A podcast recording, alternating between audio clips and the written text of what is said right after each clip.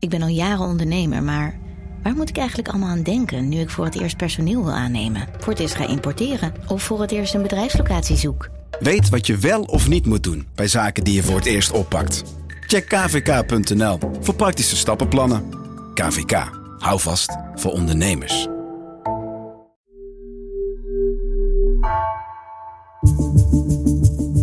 Vanaf de redactie van NRC het verhaal van vandaag. Mijn naam is Egbert Kalsen.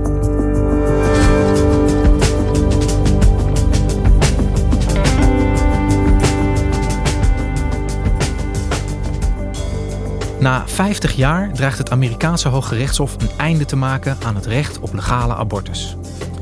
Correspondent Bas Blokker legt uit dat dit past in de tot op het bot verdeelde Amerikaanse samenleving. Hoe komt het dat progressief Amerika zich alsnog zo door de conservatieve republikeinen heeft laten verrassen?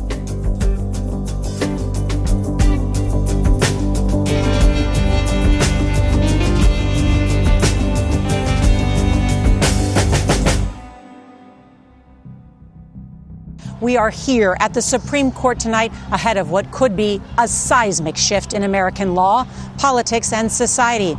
As tonight, the nation's highest court confirmed the authenticity of this leaked draft decision of a ruling that would overturn abortion precedent in this country. I think this is an opportunity for us as pro life leaders and Catholics, Christians, pro lifers around the country to make sure that we know about our faith. We know how to explain the pro life teaching, that we know how to offer the alternative to abortion. It is hard not to feel angry, troubled, and deeply disturbed about what overturning Roe would do to women across America. Bas, groot nieuws deze week eh, in Amerika over abortuswetgeving. Um, wat is er precies naar buiten gekomen? Ja, uh, de krant Politico heeft de hand gelegd op een conceptuitspraak. Waarbij uh, een van de rechters van het Hoge Rechtshof ja, de, de, de uitspraak in concept alvast optikt. En ja, de uitspraak was, is een bombshell, zeggen ze hier dan. Namelijk het recht op legale abortus landelijk geregeld moet worden afgeschaft. If this report is accurate, the Supreme Court is poised to inflict the greatest restriction of rights in the past 50 years, not just on women, but on all Americans. Nou, dus het zijn eigenlijk twee dingen bijzonder aan dat nieuws. Ten eerste uh, dat het naar buiten komt. Hè. We hebben het hier over het Hoge Rechtshof. Dat is uh, zeg maar het enige wat, wat je als publiek daarvan hoort te zien, is uh, de openbare uh, uitwisseling van argumenten tussen de partijen. Dat heet oral arguments. En uiteindelijk de uitspraak uh, van de negen rechters. en dat is publiek. Alle beraadslagingen zijn altijd geheim. Dus dat het naar buiten komt is bijzonder. Maar vooral het feit dat 50 jaar nadat het recht op abortus in een eerdere uitspraak van het Hoogrechtshof is vastgelegd, um, wordt daar nu even hard een eind aan gemaakt. Of harder misschien wel. So say it with me. We are not going back. We are not going back. Not ever. Not ever. Not ever. Not ever. Not ever. En uh, ja, dat betekent dat voor miljoenen vrouwen in de VS het, uh, uh, de zekerheid wordt weggenomen dat zij een, een, een veilige uh, medisch gezonde abortus zouden kunnen ondergaan. En dat recht wordt nu per staat geregeld. Dus uh, abortus in Amerika wordt niet verboden. Maar uh, het betekent dat in tal van staten het voor vrouwen heel erg moeilijk gaat worden. Ja, en het is een tussenstand eigenlijk, hè, wat, we, wat nu naar buiten gekomen is. Wanneer staat op de planning dat dit, uh, zeg maar, dat dit echt naar buiten komt? Ja, het, dat is nooit helemaal duidelijk. Het Supreme Court is, uh, is superieur uh, soeverein. Um, maar de verwachting is dat zij voor hun zomerreces, dus in mei of juni, dit naar buiten gaan brengen. En je zegt een tussenstand, dat het blijft nog een beetje onduidelijk wat dit nou precies is. Het heet een, een draft zeg maar, het is de eerste versie. En we weten dat er daarna gaat worden gediscussieerd over, over de bewoordingen en hoe komt het eruit te zien. Maar dat de, uh, de kern van deze uitspraak zo blijft, dat wordt eigenlijk niet zozeer betwijfeld. Dit is, dit is toch een, uh, een, een gerechtelijke uitspraak waarvan je wist dat die zou komen, om maar een uh, bekend liedje te quoten. En Bas, om dit goed te begrijpen uh, waar, dit, waar dit precies over gaat en hoe gevoelig dit in Amerika ligt, moeten we denk ik even terug naar uh, wat jij al zei, 50 jaar geleden. Wat is er toen gebeurd? Toen is zeg maar de basis gelegd voor de huidige abortuspraktijk in Amerika, hè? Ja, zeker. Uh, in 1973 deed het toenmalige Supreme Court een monumentale uitspraak in een zaak die Roe v. Wade heet. Good evening. In a landmark ruling, the Supreme Court today legalized abortions. The majority in cases from Texas and Georgia said that the decision to end a pregnancy during the first three months belongs to the woman and her doctor, not the government. Thus, the anti abortion laws of 46 states were rendered unconstitutional. In two related cases and eight separate opinions, the nine justices made abortion largely a private matter and ordered the states to make no laws forbidding it, except possibly during the final months. In de zaak Roe v. Wade besloten ze dat het, het beginsel van privacy in de grondwet, van het recht op privacy, zich ook uitstrekte over het recht van een vrouw om een zelfstandige, wettige keuze te maken voor abortus. En sindsdien was het in Amerika verboden om abortus illegaal te maken. Roe, Roe v. Wade, zeg jij, hè? Roe tegenover Wade. Wie, wie waren dat precies? Uh, in Amerika heb je John Doe en Jane Roe. Dat zijn uh, anoniem gemaakte namen. Uh, en deze vrouw werd dus Jane Roe genoemd. Dus zeg maar een soort de Amerikaanse variant op Jan Jansen, maar dan een vrouw. Um, en Wade was Henry Wade. Dat was de openbaar aanklager in, in Dallas, in Texas. Die wilde haar het recht op abortus ontzeggen. Die, die wilde haar vervolgen omdat ze een abortus had ondergaan. En zij heeft geprocedeerd tot aan het hoogste gerechtshof. En daar heeft ze gelijk gekregen. Met een beroep op het recht op de zelfstandige keuze van een vrouw. Ja, want dat, dat was haar, haar, haar grote vraag was van... ik heb als, als vrouw het recht om deze beslissing zelf te mogen nemen. Ja, dat was, dat, en, en vooral om dat veilig te kunnen doen. Want dat is natuurlijk wel het belangrijkste. Kijk, abortussen zijn zo oud als de wereld. En de praktijk, ik bedoel, dat, dat is in Nederland niet anders geweest. Dat is ook pas in de jaren zeventig bij ons geregeld. De praktijk was um, heel veelvormig. Je had doktoren die het, uh, of artsen die het deden voor vrouwen. Maar je had ook een praktijk, een hele schimmige praktijk van ja, eigen huismiddeltjes tot aan uh, uh, kleerhangers en, en, en zeepsop aan toe. Dat is ellendig en dat is gevaarlijk. En vandaar de opluchting dat het uiteindelijk geregeld leek. Hè? Ik bedoel, niet omdat mensen zo blij zijn dat ze de hele dag abortussen mogen plegen, maar omdat ze blij zijn dat vrouwen niet hoeven dood te gaan aan gevaarlijke abortussen. Ja, want daarmee ontstond de mogelijkheid om abortusklinieken te openen. Er ontstond een, ja, niet een wettelijke basis, maar een juridische basis om dat op een, op een legale en veilige manier te doen. Ja, het werd dus niet vastgelegd in de wet. er, is, er, is, er is geen Tweede Kamervergadering overheen gegaan. De Senaat heeft het niet afgehamerd. Een president heeft geen wet getekend. Maar die juridische uitspraak uit 1973 van het Hoge Rechtshof heeft sindsdien gegolden. En dat was overigens, wil ik wel even zeggen, uh, negenkoppige rechtbank. Toen waren zeven rechters voor het, het vastleggen van dit recht en twee tegen. Dus was een ruime meerderheid in het toenmalige Supreme Court voor het recht op abortus. Ja, en, en hoe is na die uitspraak het abortusdebat in, in de VS uh, verlopen? Legde iedereen zich daar zomaar bij neer? Nee, zeker niet. Het is uh, interessant om te zien dat in de huidige uitspraak rechter Samuel Alito, een ijzeren heinige conservatief, die schrijft met zoveel woorden op dat Roe v. Wade bepaald niet heeft geleid tot het, tot het kalmeren van de, van de gemoederen. Integendeel, hij zag Roe v. Wade bijna als het startpunt van een verheviging van het abortusdebat. En het is zeker zo dat in de jaren 70 en 80 um, er heel gewelddadig protest werd uh, gevoerd tegen abortusklinieken. Since we are the only facility in our area which provides abortion services, we have become the target for anti abortion violence and harassment. On May 26, 1983, an arsonist broke into our clinic and set fire to our facilities. The damages were approximately $150,000 and the clinic was closed for 20 days. 110 gevallen van brandstichting in krap 10 jaar tijd tegen abortusklinieken. Er zijn uh, twee geruchtmakende zaken van abortusartsen die door activisten zijn doodgeschoten. Um, een, een, arts die David Gunn heet, die, uh, die liep zijn kliniek uit in 1993 en er zat een groep godsdienstige anti-abortus demonstranten te bidden voor het, het behoud van de uh, embryo's. En daar maakte een man zich uit los en die schoot de dokter drie keer in zijn rug. En die was dood. Dus het heeft een hele gewelddadige geschiedenis, het anti-abortusprotest in Amerika.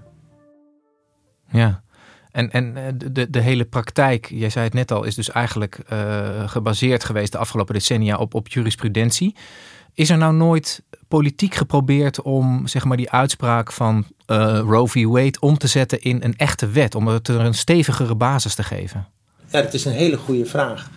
Wat je ziet in deze conceptuitspraak is dat de rechter die de pen voert ook zegt: deze zaak moet niet worden opgelost bij de rechter, want het is een illusie om te denken dat een rechterlijke uitspraak een eind kan maken aan een zo controversiële kwestie.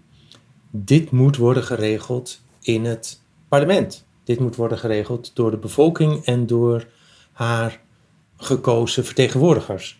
Maar de, de vraag is: is het niet gebeurd? Nee. Dat is dus heel gek. En niemand heeft uiteindelijk zijn vingers daaraan gebrand. Het is, het is wel geopperd. Het is, het is ook in campagnes vaak naar voren gebracht. Maar er was altijd een reden om te denken: nee, laat maar zitten. En ja, progressieve president bij uitstek, Barack Obama, voerde campagne in 2008 met de belofte dat hij, uh, dat hij abortus bij wet zou regelen. En toen puntje bij paaltje kwam, heeft hij voorrang gegeven aan zijn beroemde Obamacare. Het is een ziektekostenregeling, de Affordable Care Act. En om genoeg steun te krijgen, ook van republikeinse volksvertegenwoordigers, heeft Obama toen, ja, plat gezegd, het, het recht op abortus geruild en hij, hij, gokte dus dat, dat, dat Roe v. Wade-arrest dat dat zo sterk zou zijn dat hij die wetgeving niet nodig had. Ja, dat is, ik, ik denk dat democraten zich, zich een beetje hebben vastgeklampt de afgelopen jaren aan het feit dat Roe v. Wade het zo lang heeft uitgehouden. Maar um, ja, dat is, een, dat is een gevaarlijke gok gebleken. De politiek laat dat dus eigenlijk al decennia lopen, zorgt niet voor een goede wettelijke basis. Mm -hmm. dat, dat Hoge Rechtshof, is er nou nooit eerder een republikeinse meerderheid in dat Hoge Rechtshof geweest die al eerder deze stap had willen zetten die nu het huidige Hoge Rechtshof zet? Nou, tot dusver was de kracht van het president gewoon heel sterk. ook, ook eerdere pogingen stranden op, op rechters als Anthony Kennedy of John Roberts, de huidige opperrechter, die dan zeiden van ja, uh, persoonlijk vind ik misschien wel dat dat uh, recht op abortus uh, zou moeten worden afgewezen. Maar hè, wij staan in de traditie ook van het gerechtshof, die in een andere samenstelling heeft gezegd dat het recht op abortus wel fundamenteel en grondwettelijk is. Dus ja. um, de kracht van president was voor hen sterker dan de behoefte om het te veranderen. En dat is, dat is nu veranderd. Kijk, dit is wel een uitspraak waar we nu al een paar jaar van zien aankomen dat, dit, dat die gaat komen. Die moest komen. En waarom? Omdat de verhoudingen in het Supreme Court doorslaggevend zijn veranderd in de afgelopen vier jaar. Dat is de, de, een samenloop van, van bijzondere omstandigheden. Het is een zorgvuldig voorbereide langzame koep, zou je kunnen zeggen. Uh, door de Republikeinse Partij uh, geholpen door een conservatieve denktank, de Federalist Society, die jarenlang heeft voorbereid het conservatief maken van dit, dit hoogste gerechtshof. En het bizarre toeval dat uh, uitgerekend president Trump, dat hij maar liefst drie rechters mocht benoemen. Today it is my honor to nominate one of our nation's most brilliant and gifted legal minds to the Supreme Court, Judge Amy Coney Barrett. Daarmee is de het evenwicht in het, in het Hof. Negen rechters, meestal waren er vijf conservatieve rechters, vier progressieve, of een keertje vijf wat meer progressieve rechters en vier conservatieve. Ehm, nu staat het 6-3 dankzij de benoemingen van Trump. En Trump heeft in zijn verkiezingscampagne beloofd rechters te benoemen die het recht op abortus zouden gaan afschaffen. En dat is gelukt. Of tenminste, voor zover het er nu, zoals het er nu naar uitziet, is dat gelukt. Ja, en, en daarmee is zo'n uitspraak van een hoge rechtshof eigenlijk een, een, een voortzetting van een politieke strijd, maar dan met juridische middelen zou je kunnen zeggen. Wat, wat, wat zegt dat nou over, over hoe de VS eraan toe is eh, qua politieke verhoudingen? Dat dat op deze manier nu wordt uitgevochten? Ja, ik denk, wij zeggen hier altijd, en heb ik in deze podcast ook vaak gezegd, van enorme verdeeldheid. En het is ook echt zo. Er is een enorme verdeeldheid. Maar die is er altijd geweest. Grofweg de helft van de bevolking is conservatief, grofweg de helft is progressief. Ik denk dat het, het de grootste verandering, en dat komt in het abortusdebat ook zeker tot uiting, de grootste verandering in de afgelopen jaren, is dat dat debat zoveel harder is geworden tussen die twee groepen. Er is geen middle ground meer, zeggen Amerikanen dan, waar ze kunnen zeggen van nou oké, ik snap natuurlijk wel dat een vrouw die is verkracht recht heeft op een veilige abortus. Nee, nu, je bent of 100% voor of 100% tegen.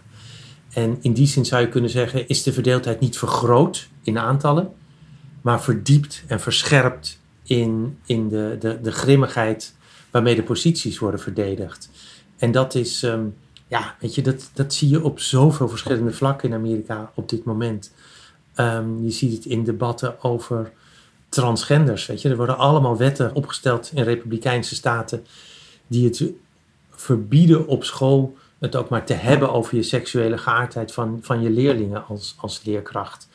Er worden boeken verbannen uit schoolbibliotheken die over controversiële onderwerpen gaan. Met andere woorden, dit is gewoon een 100% samenleving aan het worden, waarin je, als je conservatief bent, dan ben je 100% conservatief. Dan is er echt geen centimeter die je mag toegeven aan de progressieve, anders zullen ze het hele land vernietigen. Ik bedoel, dat is, het, het is moeilijk om toe te geven aan je tegenstanders als je het idee hebt dat je in een existentieel gevecht bent verwikkeld. En, en binnen dat, dat diep verdeelde land, binnen die, die, die steeds verder polariserende uh, eh, 100% samenleving, zoals jij zei, komt dan nu ineens zo'n conceptuitspraak van zo'n hoge rechtshof naar buiten?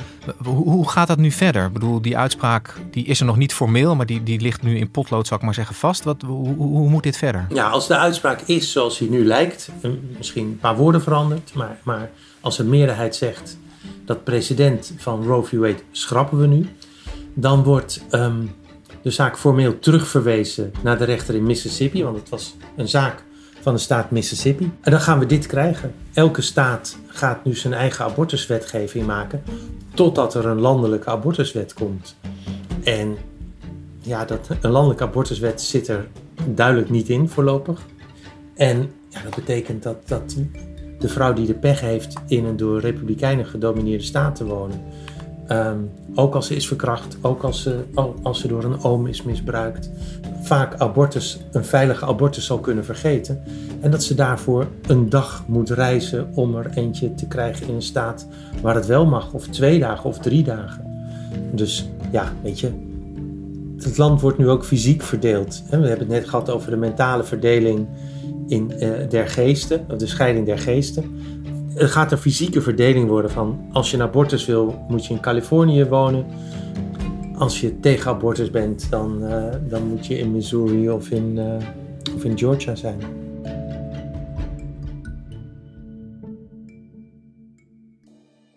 Dankjewel Bas. Ja, graag gedaan Egbert.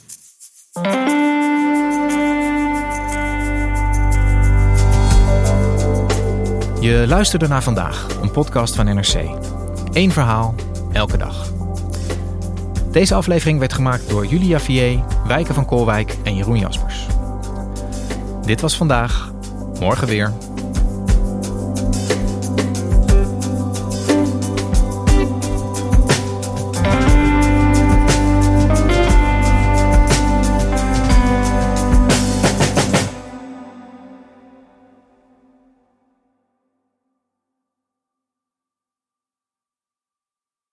Technologie lijkt tegenwoordig het antwoord op iedere uitdaging. Bij PwC zien we dit anders. Als we de potentie van technologie willen benutten, kunnen we niet zonder een menselijk perspectief. Human-led, tech-powered noemen we dat. Ga naar pwc.nl.